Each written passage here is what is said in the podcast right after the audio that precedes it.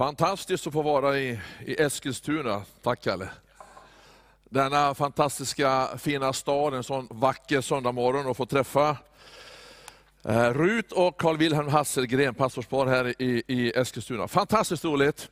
Och, eh, jag har varit i Eskilstuna tidigare, i en grannförsamling här i Elimkyrkan och också varit här ett antal år tillbaka och bett för den här staden tillsammans med ett antal vänner.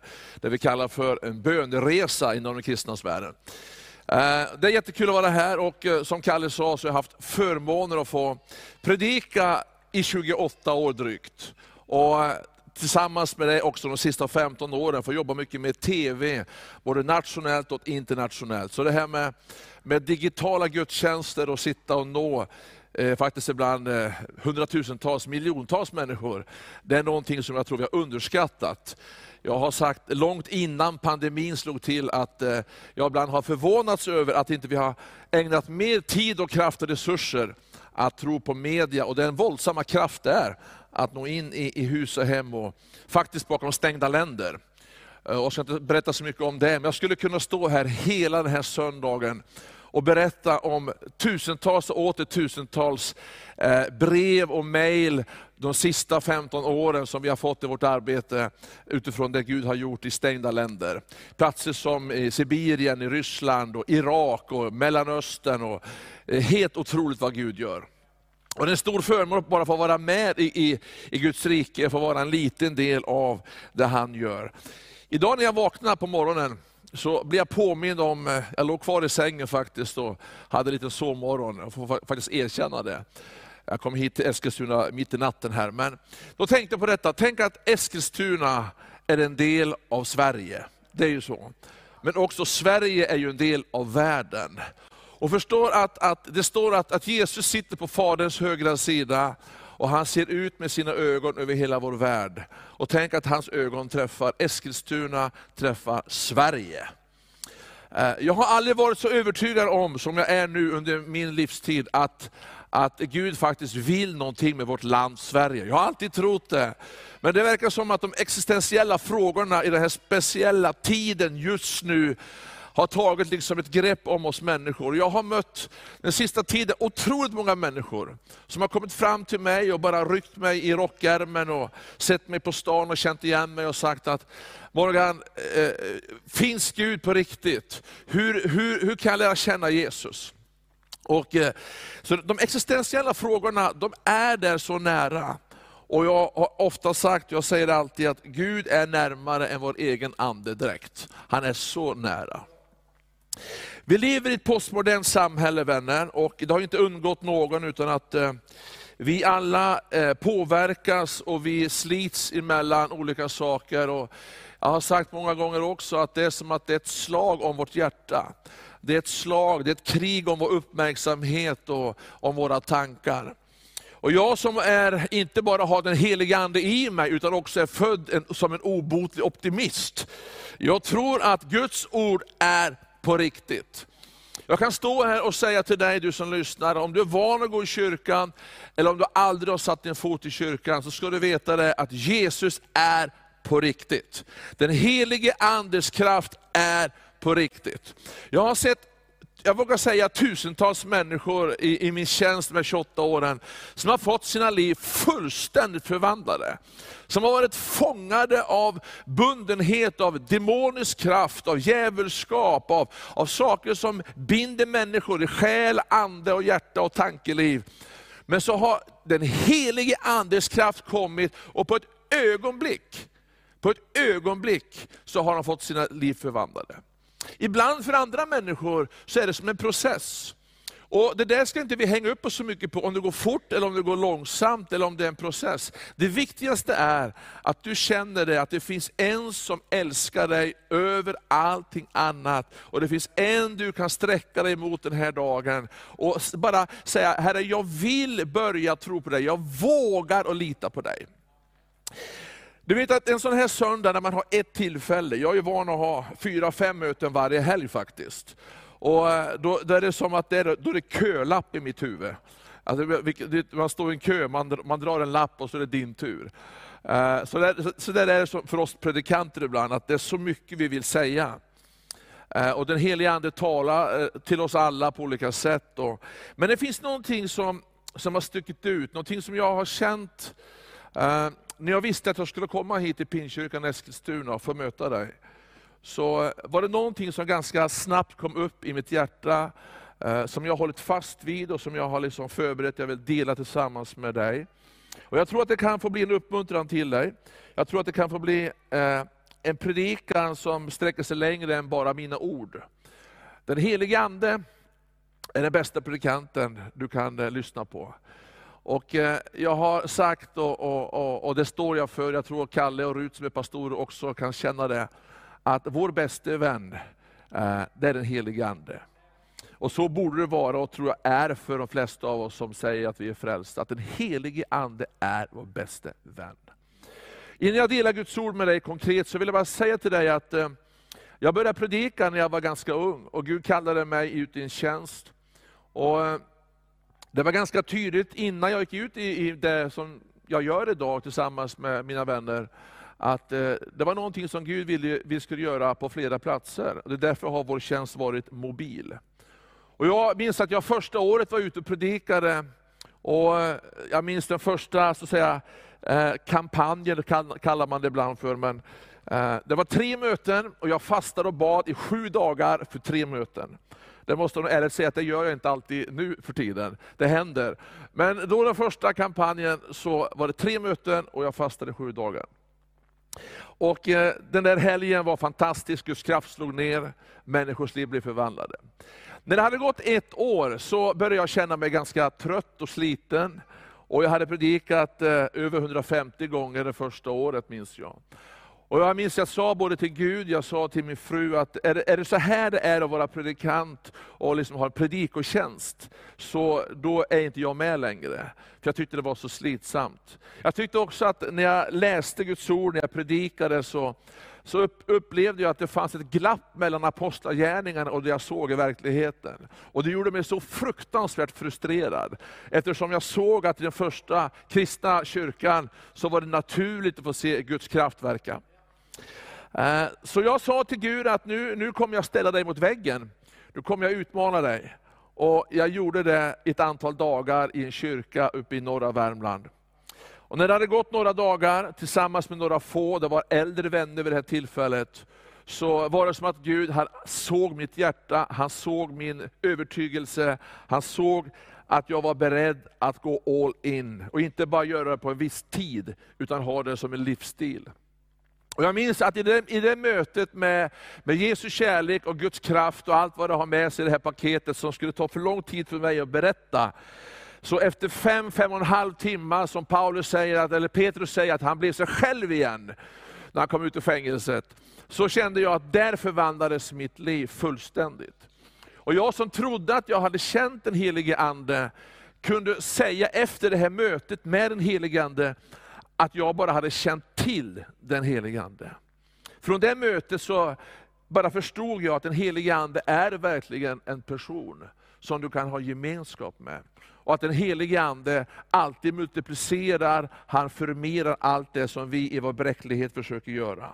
Och därför tror jag att den helige Ande, där du är just nu, med dina behov, så kan du ropa på Jesus och vad han har gjort på korset. Och genom den helige Ande, som har fullheten av Kristus, så kan du bara ta emot helande och befrielse, och du kan få uppleva frälsning i ditt liv.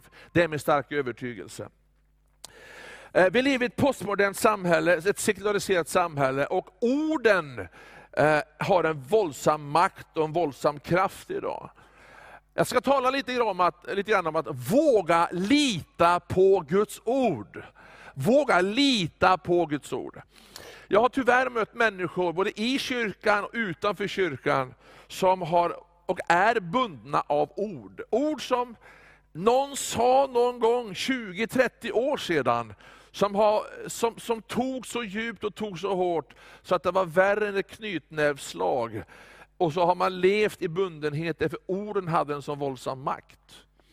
Jag har också sett hur, hur, orden har befriat, orden har lyft människor. Ord som kommer från Gud, ord som finns i lovsången som vi var med om. Ord som lyfter, när vi förhärligar Jesus. Det finns ett sammanhang i Gamla Testamentet. Och, eh, jag predikar ganska mycket ifrån Gamla Testamentet kopplat till Nya Testamentet, för jag tycker att det är en våldsam kraft. Och eh, Gamla Testamentet är ju det som Jesus själv levde i när han gick omkring på jorden. Han hade ju inte Nya Testamentet då, det förstår ju vi. Han hade bara Toran. Och, eh, vi ska titta i Första Mosebok kapitel 26. Följ med mig till Första Mosebok kapitel 26 så finns det en berättelse här som eh, Eh, man kan predika på olika sätt som predikant. Man kan ha ämnen, man kan tala utifrån säsongsbetonade eh, predikningar, man kan ha behovspredikningar, man kan ha textbeskrivningar. Och idag så har jag känt att jag vill dela det här som står i det här kapitlet lite och ta med dig på en resa. Därför att det här kommer att tala in i ditt liv. För att jag upplever att det är lite av den tid som vi går igenom just nu. Eh, det står så här att det blev svält i landet igen efter den första svältperioden som hade inträffat på Abrahams tid. Isak begav sig då till Filistenas kung Abimelek och där uppenbarade Herren sig för honom. Jag vill bara säga det att när det är svält och det inte finns några framtidsutsikter, när Isak får uppleva det här, så tror jag att han hade en enda sak i sitt hjärta, och det var att han ville fly från alltihop.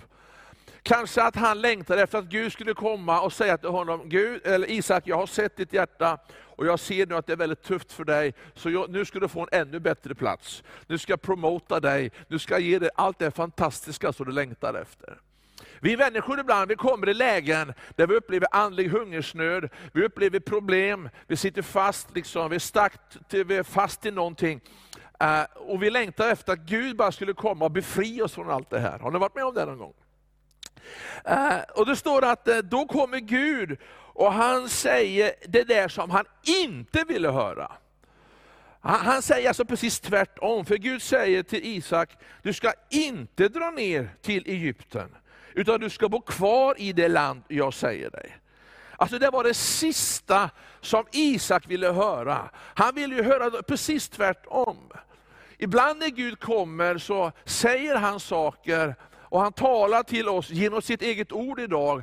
Och Det kan ibland vara svårt att greppa det eftersom vi alltid har ett val att göra. Vi lever i en tid nu, och jag brukar säga att ju mer sekulariserat samhället blir, desto mer fanatiska kommer vi bli som tror på Gud i deras ögon. Eftersom jag fortsätter att hålla fast vid Guds ord, som är det enda rättmätiga i mitt liv. Jag tror att när jag sätter min tro till Guds ord, så kommer den välsignelse som finns i Guds ord att välsigna mig. Jag tror att det finns en, en tro till Guds ord, som gör att jag får en tro av Guds ord. Och ju mer jag läser Guds ord, desto mer förändras och förnyas mitt sinne, så att mina tankar blir mer lik Kristus, och min ande vet också kopplas med Guds ande. Så förstår jag att när jag kommer i lägen i vår tid, när jag ställs inför val, vem ska jag tro på? Vilka ord ska jag lyssna på? Vilka ord ska jag sätta min förtröstan till? Vad ska jag investera min tid in i? Och vem är min influencer? Så ställs Isak inför de här valen. Därför att han ville bara dra därifrån, för han såg ingen framtid. Han såg liksom att, ja, men finns det inte mat, då finns det ingen framtid. Och då ville han bara därifrån. Men då kommer Gud. Ibland så kommer Gud till oss i vår tid, och han säger saker och gör saker som kanske inte vi förstår där och då, men som vi ändå måste hantera. Och vi är i ett sånt läge i vårt land Sverige, du kanske är i ett sånt läge, när inte du vet vad du ska göra. När livet omkring dig kanske bara ramnar och du, du famlar efter någonting att hålla fast vid. Gud när han kommer och han talar till dig och mig, så följer alltid ett löfte. När Gud gör en inriktning i våra liv, när han uppmuntrar dig och säger till dig att göra olika saker, så kommer han aldrig att lämna dig. Utan de följer alltid ett löfte. Och i det här sammanhanget så säger Gud till Isak så här, att du ska stanna som främling i landet. Jag ska vara med dig och välsigna dig, för jag ska ge dig och dina efterkommande alla dessa landområden. Och jag ska hålla den ed som jag har gett din far Abraham. Alltså när han hör det, lek med tanken, det är hungersnöd, ingen framtid, Han vill bara dra därifrån. Så kommer Gud och säger, Isak, du ska stanna här som en främling. Och vi vet att det har kommit många främlingar till Sverige. Jag kan inte identifiera mig hur det är att vara främling, men det finns många som kan det. Och i den situationen, i en utsatt situation, så säger Gud till Isak, jag ska vara med dig. Och så säger han, titta dig omkring. Allt det här ska du få, allt det här ska jag välsigna dig med. Alltså, Gud ville ge honom någonting som han själv inte ville vara en delaktig i. Han ville bara därifrån. Han ville bara därifrån, men Gud säger, jag vill ge dig det här. När du ser att det inte finns en framtid, då ser jag någonting annat. Gud såg längre än vad Isak såg vid det här tillfället. Och då ställs Isak inför, inför ett val, som jag upplever i Sverige i vår tid, både i kyrkan, utanför kyrkan, är helt avgörande för vår framtid. Vem ska jag tro på? Vem ska jag låta få bli min influencer? Och vad ska jag liksom gå för? Isak har ett val, och han brottas tror jag i sitt inre. När han å ena sidan vill fly från alltihop, men så säger Gud, du ska stanna här på den platsen som du inte vill vara på, och jag ska ge dig välsignelse, och du ska få bli en välsignelse för andra. I vers 6 så står det att Isak han bestämmer sig för att stanna. Och Det gör han efter en brottningskamp. Jag tror att man måste bestämma sig. Jag tror att man måste bestämma sig att våga lita på Guds ord. Att våga kliva ut i det som ingenting är, men för att Gud har sagt det, så kommer det som jag inte kan se att bli till när jag går. Och här är vi i ett läge i Sverige, är jag helt övertygad om, att det vi kallar för väckelse, det här begreppet, och eh, vad det nu innebär, det har jag mycket undervisning att ge dig, för det finns ingenstans i Nya Testamentet där man ber om väckelse. Eh, men, men en annan sak. Men det står att, att han stannar, och i vers 12 så står det att Isak sådde där i landet. Alltså, han sår in i ett land som han inte vill vara en del av. Han vill, vill egentligen fly därifrån. Men på grund av att Gud hade sagt det, så gjorde han det. Vi lever inte utifrån känslor. Om jag skulle leva utifrån känslor, då skulle inte jag alltid predika alla söndagar och fredagkvällar eller lördagkvällar när jag kanske skulle vilja vara någon annanstans och göra någonting annat. Men på grund av att vi har ett val att göra, och på grund av att man har gett Gud sina löften, så vill man fullfölja sitt race. Så är det. Och Isak, han sår i landet och han får hundrafalt.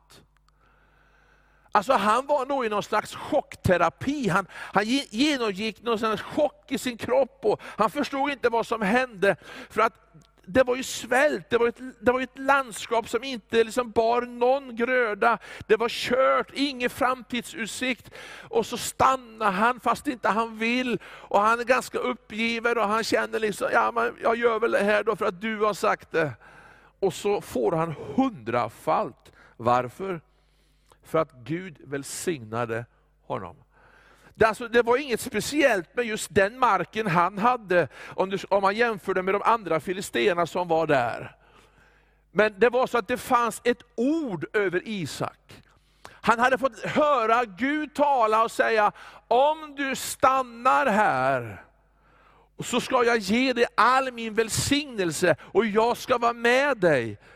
Och så gör han det, han sår och investerar in i det som ger välsignelse. Och så får han hundrafalt tillbaka. Nu förstår du, nu, nu börjar filisterna reagera. För hans rikedom, står det, växte, och den blev större och större och till slut så var han mycket rik.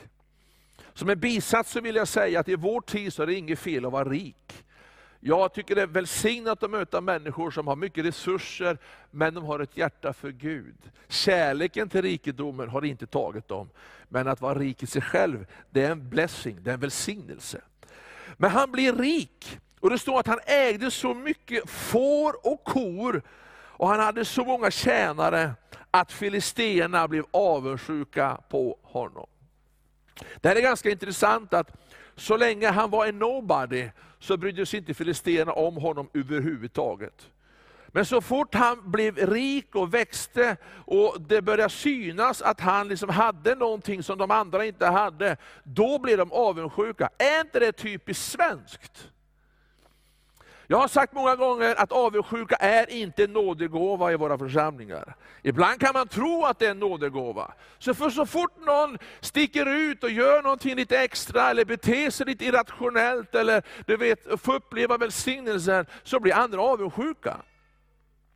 De här filisterna skulle naturligtvis ha bestämt en middag med Isak och satt sig ner och snackat med honom och sagt, Hörru du, vi ser ju att du är otroligt välsignad. Hur kommer det sig? Om de hade gjort det, då skulle han ha sagt så här, jo det är så här kära vänner, jag vill ju inte ens vara här.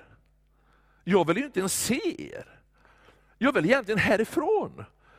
Men på grund av att Gud kom till mig, uppenbarade sig för mig, och sa att om jag gör det han skulle eh, ville göra, som jag inte ville, om jag vågade lita på hans ord, då sa han till mig att han skulle vara med mig och välsigna mig. Och skyll på honom, det är ju inte mitt fel. Men de blev avundsjuka. Och de blev så avundsjuka i, i sina hjärtan, det, det, tog dem så fruktansvärt så det blev personifierat, så man försöker driva ut Isak ur sammanhanget. Och man gör det faktiskt. Jag vill säga till dig att om vi ska få se det vi drömmer om, om vi ska få se eh, eh, eh, barriärer brytas och få se hur evangeliets kraft går igenom hus och hem och Sverige. Hur vi ska få se hur städer skakas. Jag menar, det är ju underbart när 30-40 blir frälsta, kommer till tro en helg på en, en kyrka. Men nu menar jag, i min värld, det jag drivs av, det jag går för, det är att jag vill se någonting större, någonting manifestera sig, som går utöver det vanliga. Varför då? Därför Gud sa det, jag vill det inte. För det kommer att kosta. Men jag gör det för han sa det. Och när jag gör det han säger, så kommer människor tycka att jag är en idiot. Men i hans ögon så är jag välsignad. Därför det handlar ju inte ytterst sett om mig ändå. Det handlar om honom och hans rike, och hans kärlek och hans frälsning för hela världen. För annars så går alla evigt förlorade. Så Isak han, han, han, han förstår, här kan jag inte stanna. Han känner sig trängd. Jag har mött människor genom livet, både yngre och äldre, oftast de som är äldre, som eh, fick någonting ifrån Gud. Som hade en dröm, de upplevde Gud talade, men så gick man inte med det. Och ibland så brukar man skämta och säga om att, att eh, den platsen där de största visionerna och drömmarna finns, det är på kyrkogården.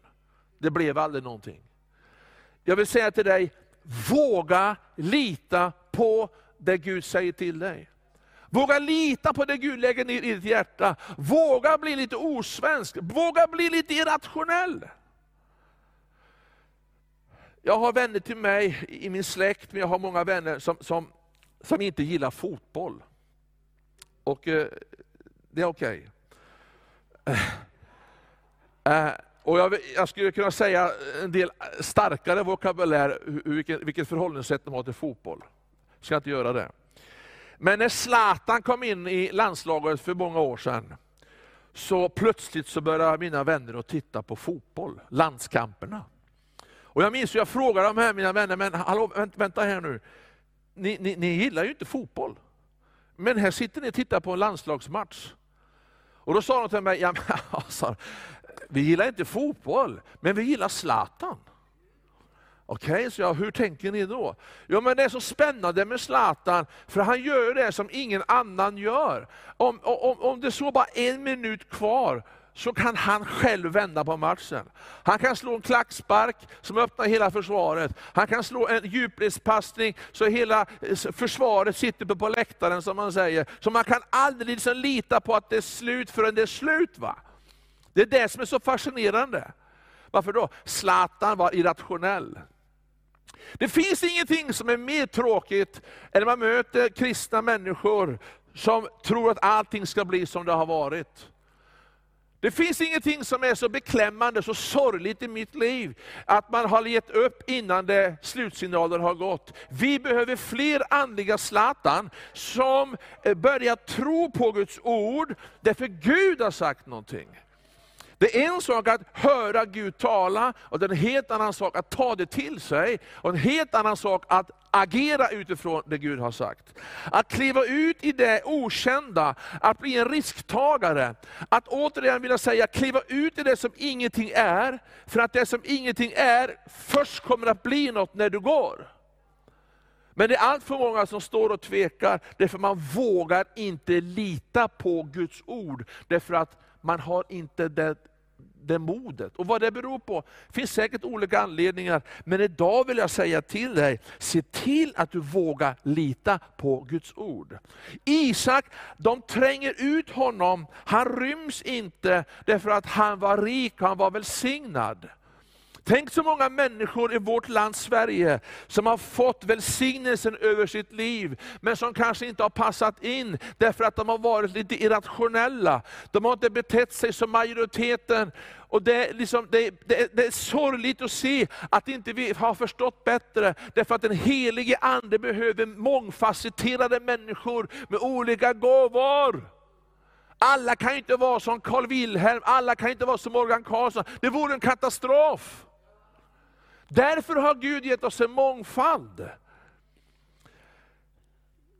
Isak, han börjar gräva upp de här brunnarna, står det. Som hans pappa Abraham en gång hade grävt. Och Det intressanta är att i början när Gud talar till Isak, så talar han till Isak och påminner honom om hans pappa. Och han säger, jag är din pappa Abrahams Gud. För Isak visste att min pappa, han kunde jag lita på. Det fanns generationsvälsignelse. Så när Gud säger att det är din, det, jag är din pappas Gud, då var det som att då kunde han ändå tro på Gud. Och nu när han börjar gräva upp de här brunnarna, då springer filisterna efter Isak och så förstör de alltsammans för honom flera gånger. Det enda han längtade efter, det var att han skulle få en egen plats, lite lugn och ro. Att han skulle få känna hur allting bara fick landa. Därför han hade ett ord över sig. Jag vill säga till dig, när du och jag har ett ord över oss ifrån Gud, ett ord av nåd, ett ord av att han har en uppgift för dig. Att han har sagt till dig, det här ska du göra, det här är din tjänst, gå för det här. Var irrationell, tro på Guds kraft, våga bryta mönstret, våga bryta det svenska lagom mentaliteten, våga vara lite för mycket då kommer det alltid att bli motstånd. Framförallt i det postmoderna samhället som inte ens tror på att Gud finns. Det är märkligt. Det som är intressant är det att Isak, han ger sig inte. Och han fortsätter och gräver och gräver, fast han möter på de här filisterna som vill förstöra för honom. Vad var det som gjorde, vad var det som drev honom att orka fortsätta? Varför gav han inte upp? Jo, Gud hade talat och han vågade lita på det Gud sa. Idag är det krig, idag är det en predikan, evangelistisk predikan för dig, en proklamerande predikan. Men jag skulle, jag skulle kunna undervisa för dig om hur det postmoderna samhället vill försöka nedmontera kraften i Guds ord. Det här är ingen teologisk predikan idag, men det finns så mycket att säga om detta, men det finns en tro på Guds ord som är verklig. Guds ord är samma sak som Gud. Om man tror på Gud, då tror man på Guds ord. Man kan inte halshugga sig själv, förstår du. Därför så är första steget till andlig död, det är när jag börjar kompromissa med Guds ord, när jag inte vågar lita på Guds ord, eftersom jag själv gör mig en egen liten bild av hur ordet ska välsigna mig. Jag måste tro på hela Guds ord. Jag kan säga, jag vet inte hur det är med pastor Carl Wilhelm och Rut, men jag förstår inte allt som står i det här. Men en sak vet jag, att när mitt liv kraschar och krisar, så kommer det här aldrig att komma med en lögn. För Guds ord är sanning.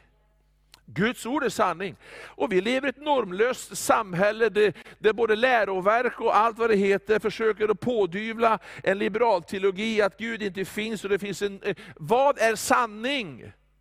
Om jag ska veta vad som är lögn så måste jag veta vad Gud har sagt, för Guds ord är sanning. Det står i Johannes 17 och 7, helga er i Guds ord, hans ord är sanning.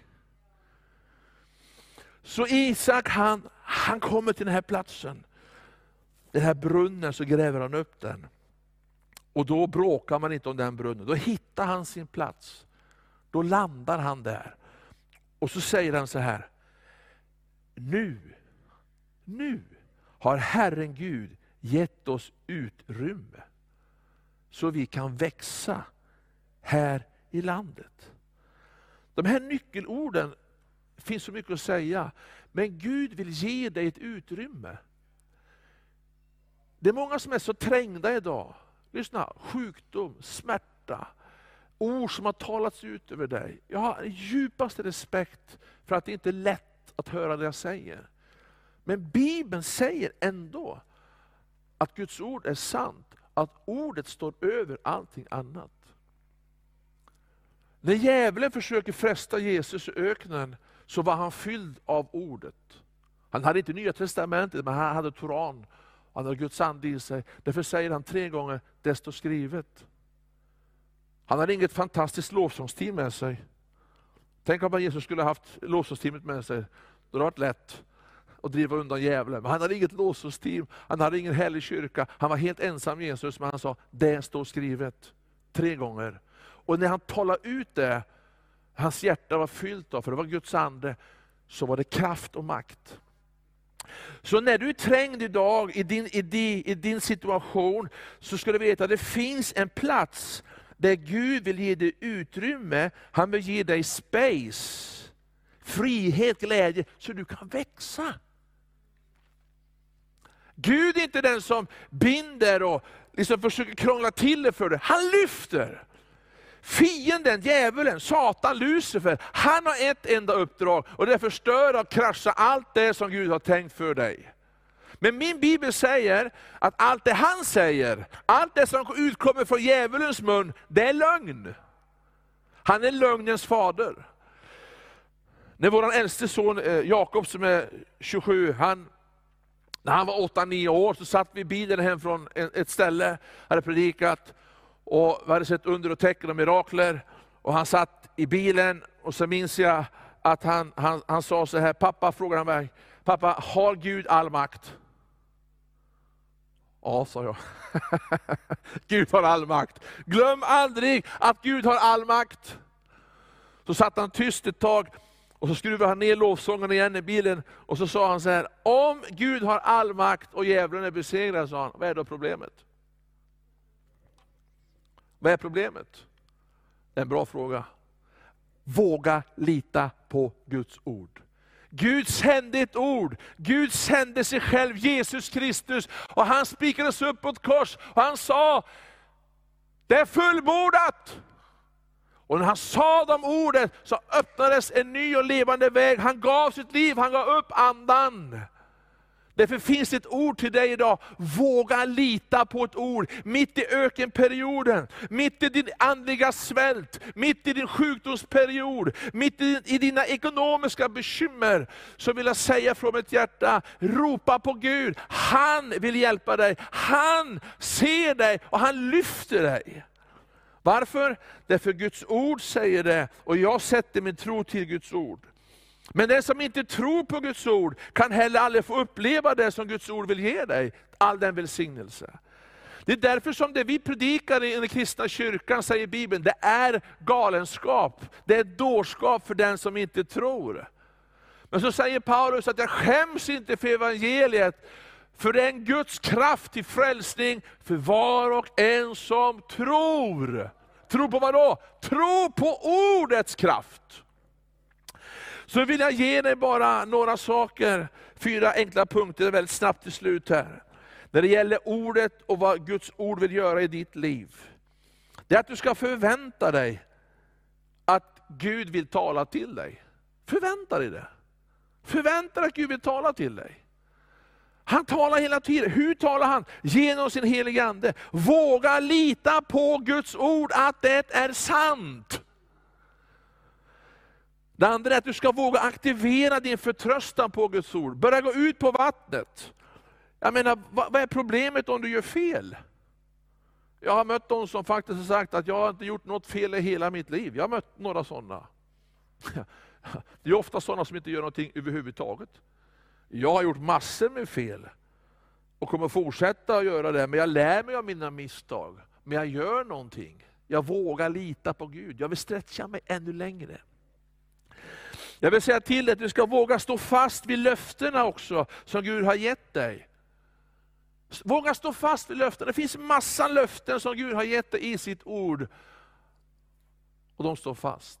Det är krig just nu i Sverige om vilka ord du ska lyssna på. Alltså, eh, du vet att det här är det enda som kommer att bestå. Det här är en våldsam kraft. När människor blir helade, upprättade och frälsta, så är det genom Guds ord och den helige Ande. Ordet och Anden samarbetar. Så du ska våga lita på Gud, du ska våga lita på ordet. Du ska våga aktivera din förtröstan till ordet, och du ska stå fast vid löftena i det Gud har sagt i sitt ord. Du kommer att möta på kanske motstånd och sådär, men vad har du förlorat? Jag skulle inte stå här om jag hade valt att lyssna på alla de som sa att jag skulle vara tyst, eller att jag skulle göra si eller så. Utan nu tror jag att vi alla kan vara ledda av den helige Ande. Våga vara frimodig. Våga tro Guds ord. Jag vill gå mot avslutning och säga så här. Att den här, den, här, den här brunnen som Isak grävde upp, så står det att de fann en källa med rinnande vatten. Ett rinnande vatten. Och den här platsen som Gud vill ge dig, det här utrymmet han vill ge dig, det är ett rinnande vatten. Jesus sa en gång, följ mig. Han sa, följ inget trosamfund, följ inte ett kyrkosystem, följ mig. Och att följa Gud idag, att följa Jesus, det är att följa Guds ord. Därför vill jag uppmuntra dig, att låt inte ordet få bli en börda för dig. Du ska inte liksom ha eh, eh, Guds ord som en börda i din ryggsäck, utan du ska låta ordet få bära dig. När jag inte räcker till, när jag inte kanske hittar vägen fram, så förlitar jag mig till Guds ord. Så du min vän som lyssnar, våga, våga lita på ordet. Våga lita på det du lyssnar på när du hör Guds ord predikas. Sätt din tro till Guds ord. Jag tror det finns de som lyssnar nu, som kanske befinner sig i en situation som behöver ett ingripande, som behöver hjälp. Jag tror vet du, att Jesus är på riktigt.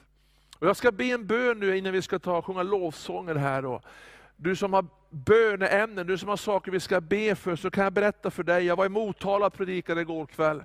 Och där berättade jag hur, hur en del vittnesbörd om vad vi, vad vi har fått uppleva den sista månaden bara. Människor som har blivit helade genom digitala möten. Faktiskt att till och med det har varit skapande under genom digitala möten. Varför då?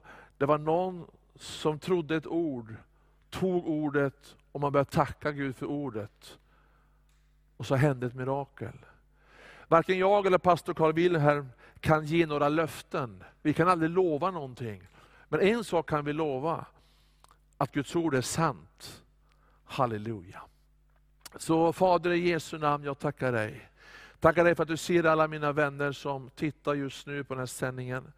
Herre, du ser oss alla, du vet hur vi har det. Jag tackar dig för att du känner oss utan och innan till. Du vet om vi bär sjukdom, du vet om vi har eh, saker i vårt liv som tynger oss, som binder oss. Och som, som, som, eh, vi behöver bara hitta dig Gud. Tack att det finns ett ord för oss var och en den här dagen Herre. Även om vi upplever andlig hungersnöd, svält, om vi inte vet hur, hur allting ska bli, så vill vi förtrösta på ditt ord. I en tid när allting skakar, när allting är så förvirrat, så vet vi att ditt ord säger att du kommer alltid att stå fast. Och ditt ord kommer alltid att stå fast. Och vi vill idag bekänna oss till ditt ord Herre. Vi vill bekänna ditt ord idag Herre. Tack att ordet och namnet och blodet är de här fundamenten i kristna tron. Och vi vill verkligen bekänna det inför dig idag, att vi tror på ditt ord Herre. Och ditt ord säger att en dag så ska du komma tillbaka. Och jag ber om att ordet ska etsa sig fast i våra hjärtan. Jag talar till, till dig som redan är kristen, som är med i din kyrka, som är med i pinkyrkan här i Eskilstuna Eskilstuna. Jag ber helige Ande att du ska låta ordet få bli levande. Att ditt ord ska, ska etsa sig fast i våra hjärtan. Att vi ska utifrån ordet få börja leva ut evangeliet ut till människor Herre. Därför du älskar alla människor. Hjälp oss att vi får tro till ditt ord, som också ger oss en tro av ditt ord Herre. Så vi får se under och tecken och mirakler av ovanliga slag även i Eskilstuna. Så jag ber om din välsignelse, jag ber om andlig multiplikation, jag ber om din välsignelse på, på livets alla områden för var och en som bor och bygger i den här staden. Jag ber för företagsamhet, jag ber för kultur, eh, kulturarbete, jag ber för idrottsvärlden, jag ber om hela staden Eskilstuna, jag ber om en förvandling Herre. Herre. Därför det finns ett ord för den här staden Herre. Och du talar, därför ber jag dig Fader, låt din helige Ande få dra människor till ditt ord och till dig Herre. Jag ber om din välsignelse, jag ber om helande, jag ber om mirakler, jag ber om under och tecken. Jag ber om att du bara helar människor just nu, som i tro tar emot ditt ord. Du sände ditt ord och människor blev helade. Du la din hand på människor och de fick upprättelse. Åh, du frälser människor just nu. Tack att det finns de som just nu bestämmer sig för att börja tro på dig, på detta äventyr, denna fantastiska resa tillsammans med dig. Vi älskar dig Fader, vi älskar dig Jesus, vi älskar dig helige Ande. Vi prisar dig och vi ber om välsignelse fortsatt. Och jag ber för dem som har tagit heliga beslut den här gudstjänsten, utifrån det ditt ord har talats ut. Tack att helige Ande du fortsätter att tala in i människors liv. Tack att du talar fortsatt hela den här dagen Herre. Och du välsignar oss med all den himmelska välsignelse. Vi ber i det namn som står över alla andra namn. Ditt namn, Jesus Kristus. Amen, amen. Nu lovsjunger vi Gud tillsammans.